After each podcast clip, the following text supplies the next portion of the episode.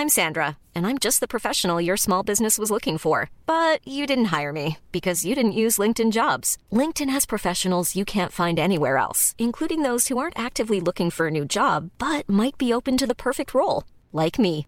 In a given month, over 70% of LinkedIn users don't visit other leading job sites. So if you're not looking on LinkedIn, you'll miss out on great candidates like Sandra. Start hiring professionals like a professional. Post your free job on linkedin.com/people today.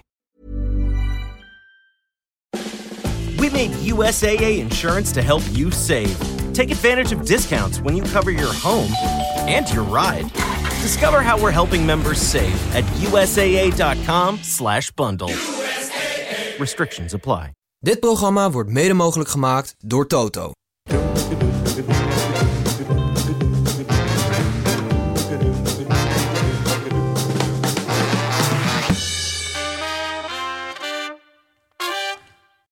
Sean Love Combs, beter bekend als P. Diddy, heeft een zevende kind gekregen. De 53-jarige rapper heeft zijn verse dochter Love Sean Combs genoemd. Volgens entertainmentwebsite TMC is Dana Tran, een 28-jarige cybersecurity specialist, de moeder van het meisje. Snijden we tot zover het belangrijkste nieuws van vandaag. En dan gaan we nog even naar de sport. Hallo kijkers van de YouTube livestream en hallo luisteraars op Spotify. Pepijn hier. Na mijn vuurdoop achter de presentatiemicrofoon gisteren kan ik het vandaag bij fouten niet meer gooien op onervarenheid. Nadat ik gisteren met Tim de vooruitblikte op de eerste halve finale van vandaag, heb ik vandaag de eer om met Snijbroon Modric Messi na te bespreken en vooruit te kijken naar de Marokko tegen Mbappé van morgen. Na de min 8 van vannacht zijn de rayonhoofden nu echt niet meer te houden, maar wij ook zeker niet. Laten we snel de dag van vandaag door gaan nemen. Snijboon. Allereerst natuurlijk welkom. We staan hier naast een gezellig kerstboom. Ja. Ben je al een beetje in de kerstsfeer aan het komen? Nou, ik heb wel het gevoel dat ik eigenlijk bij jou op kerstdiner ben nu. Want jij ziet er echt best netjes uit. Opeens werd er een kerstboom op tafel gezet. Maar ik ben ook nog steeds aan het ontrafelen dat, dat Sean... Dat, dat P. Diddy zijn dochter heeft vernoemd. Ik hou van mijn vader eigenlijk. en dat vlak daarna de rayonhoofden ook nog Zou kwamen. je zo de dochter ooit Ik hou van Snijboon noemen? Nou, nee. Nee, ik heb wel, ik heb wel, wel eh, zo'n man in eh, Londen die heeft zijn dochter La, Lanesra genoemd. En toen kwam die vrouw, die kwam er na tien jaar pas achter dat Arsenal omgekeerd was. Zo, zoiets zou ik eerder doen. Misschien Snijboon omgekeerd. eh, dat, zou ook nog, eh, dat zou ook nog kunnen. Nou ja, ik weet niet. Wel heel Oost-Europees wordt dat volgens mij. We gaan naar het voetbal, Snijboon. Vandaag was de grote dag voor de 4,2 miljoen Kroaten en de 45 miljoen Argentijnen. Met een gezonde dosis haat tegen de Argentijnen keken alle Nederlanders vol hoop naar Modric en co. In de hoop dat zij het Messi en co lastig konden maken. Nadat de Qatarees in de 34 minuut nog een penalty voor Argentinië hadden gekocht, was de wedstrijd een paar minuten later al beslist na een kettingbotsing aan fouten door de Kroaten. Het duurde tot de 69 minuut tot alle wraakgevoelens jegens Messi waren vergeten en de liefde tussen voetbalminnend Nederland en de GOAT weer bloeide als nooit tevoren. Messi stelde Alvarez op weergeloze wijze in staat zijn tweede van de avond te maken en de Kroaten huiswaarts te sturen met 3-0. Snijboon, ben je ooit sneller van boos naar blij gegaan dan, dat van, dan vandaag? Nou, mensen die mij kennen weten dat ik vrij snel sowieso van blij naar boos kan gaan. Ja, maar andersom heb ik het nog niet vaak gezien. Ja, dat gebeurt ook wel. Als het doelpunt weer werd, wordt afgekeurd, waar ik heel boos om ben geworden, zoiets dan, denk ik. Eh, ja, het is wel echt lastig om boos te blijven op iemand ehm, die dat kan. En dat doet aan de bal. Met zoveel druk. Als we Tim zijn eh, theorie er maar weer eens bij mogen halen... dat Onmenselijke druk. de onmenselijke druk die Messi moet ervaren... van 45 miljoen Argentijnen... die Ja. alle hoop op hem, hebben, op hem hebben gevestigd. Maar bij die eerste penalty, ik begon toch alweer een beetje in, en moeten we even ser- serieus wel benadrukken, de theorie die Wietse van de Grote Zondag meenam, die niet van hemzelf was. En waar hij ook niet in gelooft. Nee, waar hij niet in gelooft, maar wij, volgens mij moeten wij die hele voetbalpodcast sowieso laten schieten en gewoon iets gaan doen over eh, complottheorieën. Want mijn hemel, wat kan je ongelooflijk snel viral gaan in Nederland als je gewoon een complottheorie online gooit, Ja. zeg? Maar het complot werd wel weer een beetje gevoed door die penalty natuurlijk. Want vond jij het er een? Het, het, het zit ergens tussen waar moet die keeper dan heen? En als je het op het middenveld doet, is het ook een overtreding. Ja. En ik, ik weet gewoon niet zo goed. Ik, ik vind het heel lullig, want ik denk oprecht niet dat Julian Alvarez de bal anders had afgewerkt als de keeper anders was uitgekomen. Maar als je de botsing ziet, is het ook wel heel lastig om, het, om niet een penalty te Ja, ik geven. wou het vergelijk maken met als je een, een, een muur op de snelweg metselt. Ja, ja, dat dacht ik ook. Maar ja. toen dacht ik, er is geen situatie waarin dat wel oké is. En dat is natuurlijk met een keeper die stilstaat. Die mag daar natuurlijk normaal gewoon staan als er geen tegenstander tegenaan. Ja, maar in de categorie, wat had hij daar dan moeten doen? Misschien had hij daar niet moeten staan. Nee. En hij wist natuurlijk op het moment dat hij uitkwam en een speler komt eh, met, eh, Ja. met 35 kilometer op je af, afgeschoten. Die gaat tegen je aanrennen. Zeker Die als het een Argentijn is. Ja. Ja, dus. Maar ja, Argentinië wel. Ze waren wel helaas gewoon wel echt beter. Wat ik heel fijn vind, deze, wat we deze wedstrijd hebben gezien, dat Modric, waar toch bij de Kroaten veel al, eh, veel al om ging, ook heel erg goed was. Ja. Ik vind het dan zo jammer als zo'n speler echt van zijn voetstuk afvalt in zo'n belangrijke wedstrijd. Maar dat was zeker niet, dat was zeker niet het geval. Modric ook Nee. fantastisch. Maar ja, Messi. Ja, de Argentijnen hadden gewoon de volledige overtuiging dat de Kroaten niet heel vaak gingen scoren. Dus die hingen gewoon lekker naar achter toe. En je zag gewoon, op het moment dat ze counterden, gingen ze gewoon met z'n allen. Ja. Gingen ze gewoon wel vol gas counteren. En ja, op die manier counteren lijkt toch wel een beetje de succesformule van dit WK. Ja, eigenlijk jammer. Maar Argentinië wel, eh, wel mooi, countervoetbal is- vind ik wel echt heel vet om naar te kijken. Eigenlijk. En kunnen we, kunnen we Messi definitief vergeven nu voor wat hij tegen Nederland heeft gedaan? En Nee, gewoon- ik was nog wel echt met lange Ah, tanden aan ah, het genieten. Ja, Misschien in de finale. misschien in de finale, als hij nog een keer zo speelt, is het zonder lange tanden. Maar deze keer was nog wel shit. Ik vind het mooi om naar te kijken. Ja, ja, ja oké. Nou, wel- wellicht dus in de, in de finale. Dit was nog een paar natuurlijk dagen. het, het grote nieuws eh, van vandaag. Argentinië, Messi met zijn tweede kans om, om geschiedenis te gaan schrijven. Om echt in de voetsporen van Maradona te kunnen treden. Maar er gebeurde meer eh, buiten de velden. Wat niet zoveel met deze wedstrijd te maken had. Het is nog onduidelijk of Fernando Santos- aanblijft als eh, coach van Portugal. Maar zijn opvolger wordt al langzaam, eh, langzaam naar voren geschreven. Het gerucht gaat namelijk dat eh José Mourinho Oh, oh, eindelijk oh, aan zijn klus gaat beginnen als, eh, als, bondscoach van, als bondscoach van Portugal. Alleen hij staat nog onder contract bij AS Roma. En het schijnt dat hij ook niet erg gewillig is om dat contract, contract op te geven. Dus het zou dan gaan om een dubbelfunctie. Dus hij zou trainer van AS Roma blijven. Maar tegelijkertijd ook bondscoach, bondscoach van Portugal. Het lijken mij twee heftige banen om naast elkaar te... Wat, Ja. zou, jij, wat zou jij naast je reguliere werk nog wel als, als bijbaantje zeg maar, willen? Buiten Voetbalpodcast maken of zo. Ja. over voetbal lullen. Eh, nou, ik heb altijd gezegd dat als ik, met, als ik met pensioen ga, dan wil ik nog wel twee dagen per week bijvoorbeeld eh, tramchauffeur worden of zo. Omdat ik het gevoel heb dat je dan echt nog midden in de maatschappij staat. Ja, ja, ja. En, een eh, Teven Ja, zoiets. Dat je dan nog wel een beetje bezig blijft. Dat je niet alleen maar achter de geranium zit. En dat je nog wel een beetje mensen ziet en zo. Mijn zus stond ooit op een tram te wachten. Toen kwam er zo'n lestram, lestram aangereden. En die gaat zo open, zo Amsterdam. Hé, hey, schoonheid, waar moet je heen? Dus mijn zus, eh, weet je wel, daar eh rokin of zo. Toen zei hij, nou, stap maar in. En toen eh, stapte zij in. Wel, mijn moeder was erbij. Toen mocht zij de tram besturen. Ja, Maar zie je, zo'n tramchauffeur zou ik dus ook worden. Dat ging dus gewoon helemaal prima. Echt? Ja, niks aan het handje. Een beetje bellen en... eh Ja, jij, jij, nu zorg je ervoor dat mijn droom echt dichterbij komt, hè? je moet Geweldig! gewoon heel tijd bij zo'n Ja. lestram... eh, Want bus lijkt me dus best wel kut. Dus ik had altijd tram of metro. Omdat je dan lekker gewoon... De lijntjes je die zijn ja, er al. Ja, ja, precies. Je kan wel eens een keer even, even afgeleid raken. Ja, je kan prima ook een beetje om je heen kijken. Maar ik vind, het, ik vind het, ik- ik zou niet als ik voetbaltrainer was als bijbaantje voetbaltrainer, voetbaltrainer worden. Nee, het is en een beetje Mourinho zo- moet ja. het gewoon volstorten dan op zo'n Portugese... Ja, maar dat gaat hij ook wel doen. Als Port hij zet natuurlijk gewoon druk op de Portugese bond om dat contract af te kopen. Want anders moet hij anders. Weet je wel, hij wil gewoon dat geld niet Ja. kwijt. Maar het is wel, ik denk wel dat er, er is echt geen beter moment om in te stappen bij Portugal. Want je ziet wat er allemaal aankomt en wat voor team er staat zonder Ronaldo. Alleen even kijken, Ronaldo heeft namelijk aangegeven nog geen afscheid te nemen. Maar denk, dacht op het EK van Oké, 26, ja. of wat is het, eh, 24 nog wel van waarde. Dan is het het allerkutste moment om in te stappen. Dat dacht ik maar. Ja. Nog meer, eh, nog meer trainer, trainersnieuws. Want de Belgische Voetbalbond is ook sinds vandaag officieel begonnen met het werven van de opvolger van, eh, opvolger van Martinez. En ik vind het heel grappig, dat gaat dan gewoon via een vacature. Zoals wij stervelingen ook op zoek gaan naar een baan. Dus er is gewoon een vacature opengesteld. En Misschien is dat bondsbeleid. Hè? Dat je hem altijd, je mag hem niet alleen maar intern Ja, uitzetten. ja, Hij moet ook extern. Maar het belangrijkste eigenlijk eis aan de vacature is dat ze op zoek zijn naar een trainer die weet wat, eh, die weet wat winnen is.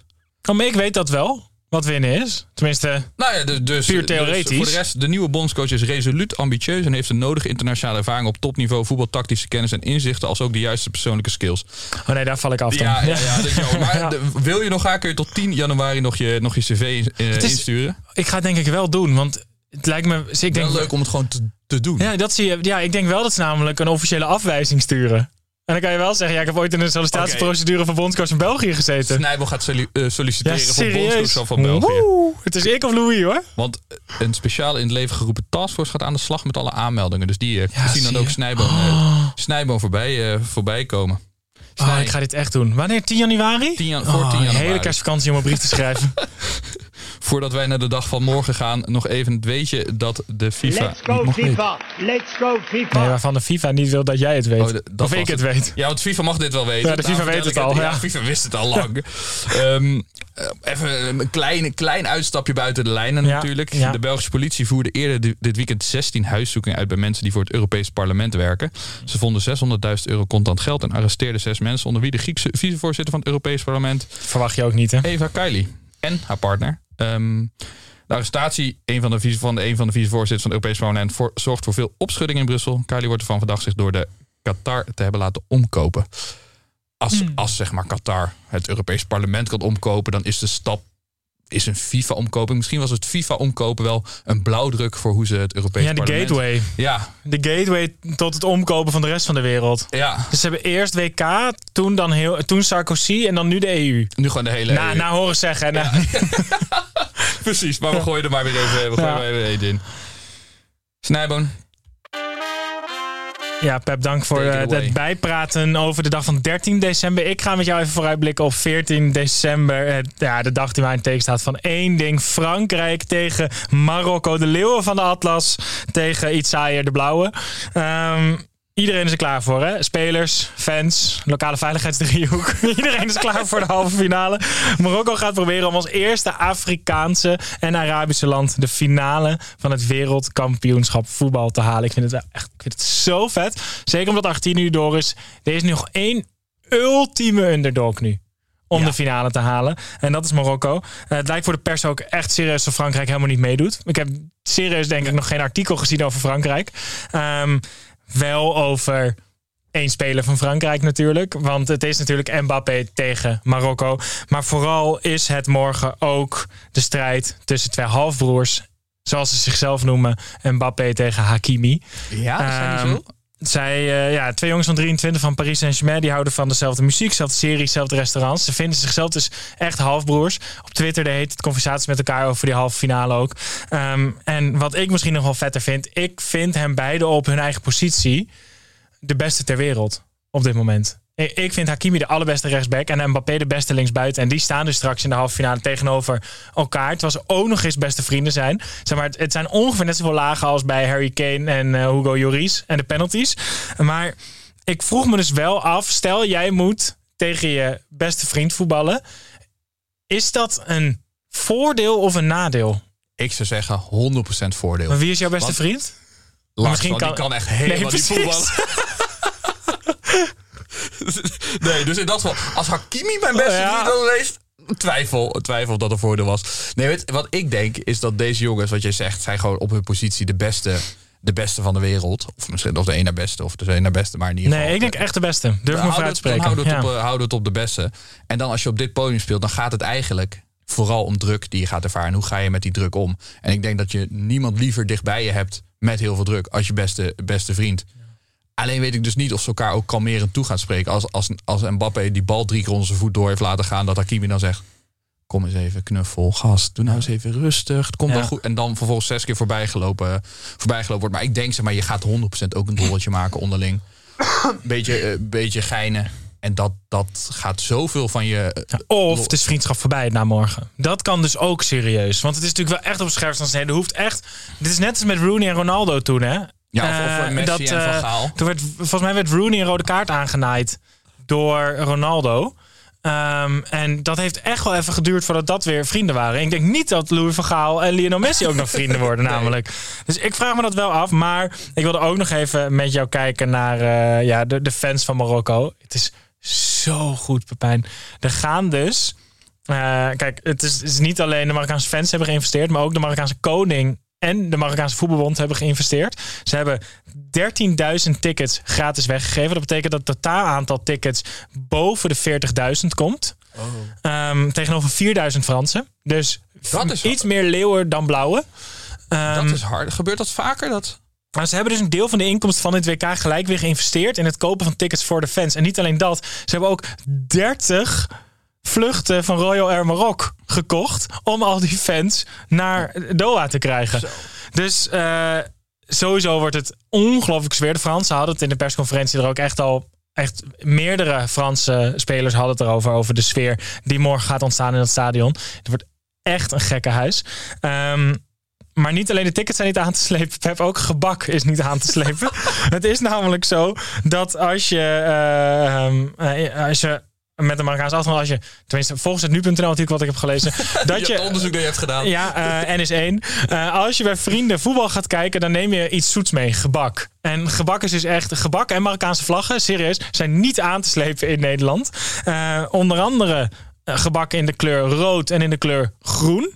Maar ook gebak met het hoofd van Sieg is eh, verkoopt echt ongelooflijk goed. Onder andere bij Boulangerie Marrakesh en bij uw voordeelbakker in Den Haag. is het allemaal de hele tijd uitverkocht. Dus iedereen loopt daar gewoon met taart over straat. Ehm, dus ik zat wel te denken, volgende keer bijvoorbeeld Groningen Heerenveen is en dan kom je jouw voetbal kijken, neem ik gewoon Mike de Wierik gebak mee. Dat lijkt me sowieso wel leuk. Waarschijnlijk. Maar ik- Gijs komt met, met, met een Joey Pelopessi slof aan elke keer. Maar wat ik vind, ik vind de hoofden op gebak vind ik altijd heel gribbig. Ja. Ik zag pas een filmpje van, toen hadden ze het hoofd van een kindje zo op zo'n voor de verjaardag zo op zo'n eh, gebak of op zo'n taart gemaakt. En toen gingen ze daarin snijden. En toen moest dat kindje mega hard krijsen. Omdat het hartstikke grimmig Omdat is. ze per ongeluk in het kind sneden. Oh, kut, is dit gebak. Het is toch hartstikke in de hoofd. Dus ik zou juist gebak meenemen met iemand van wie je een pleurenzekel hebt. Dus die Marokkanen die moeten nu allemaal gebak Oh, van... en eh, Mbappé gebak en meenemen. gebak meenemen. En daar eens even lekker het mes eh, in zetten. Veel slimmer. Ik denk wel vrij laat dat we zijn met de tip. Maar voor het volgende toernooi. Wat voor gebak zou jij meenemen als ik jou uitnodig om voetbal te komen kijken? Jij hebt toch echt de allergrootste aan slag op taart? Dan Ja. doen we slag op taart met het hoofd van iemand. Ik denk echt niet dat ik je binnenlaat als je zo'n vieze slagroomtuin van die stukken kiwi en mandarijn erop meeneemt. Of misschien gewoon van de gezellige pettyvoertjes. Nederlands vlaggetje erop. Lekker kneuterig. Ja, leuk hè. Of een tompoes. Dat is ook echt heel Hollands hè. Een oranje tompoes. Tompoes is zeg maar het zoete equivalent van de bitterbal, denk ik. Tompoesen, zeg maar, ik weet dat er een manier is om ze te eten. Maar ik vind het altijd heel onhandig als je je gebak moet demonteren voordat je het logisch Ja, kan er, eten. nooit, er is aan het begin nooit over nagedacht. Nee. Het proces is nooit uitgeschreven geweest. Nee. Eh, nou ja, ja. Ik wilde bijna Sepp Blatter jou laten on- onderbreken. Nou, maar dat ik is ga, niet de eerste en niet de laatste keer. Maar ik ga het afsluiten. Ja, ik ga het mag. afsluiten, Snijboon. Eh, we hebben even teruggeblikt op de dag van eh, 13, eh, 13 december. De dag dat Messi Argentinië naar de WK-finale loodste. En we gaan natuurlijk gespannen kijken morgen of het de, de, de leeuwen van de Atlas eh, gaat lukken om de finale te bereiken. Die historische tocht waar Marokko mee bezig is. Aan de andere kant Frankrijk hebben we natuurlijk ook van genoten. Dus eh, een lekkere NOS afsluiten. Dit. Ja, wat is dit nou, hé? Heb je geen deur in je huis? Wat gelul. Snijboon, fijne avond. En eh, ik zie eh, hopelijk de kijkers en luisteraars morgen als ik hier met, met Gijs sta. Bedankt. Dag. Dag.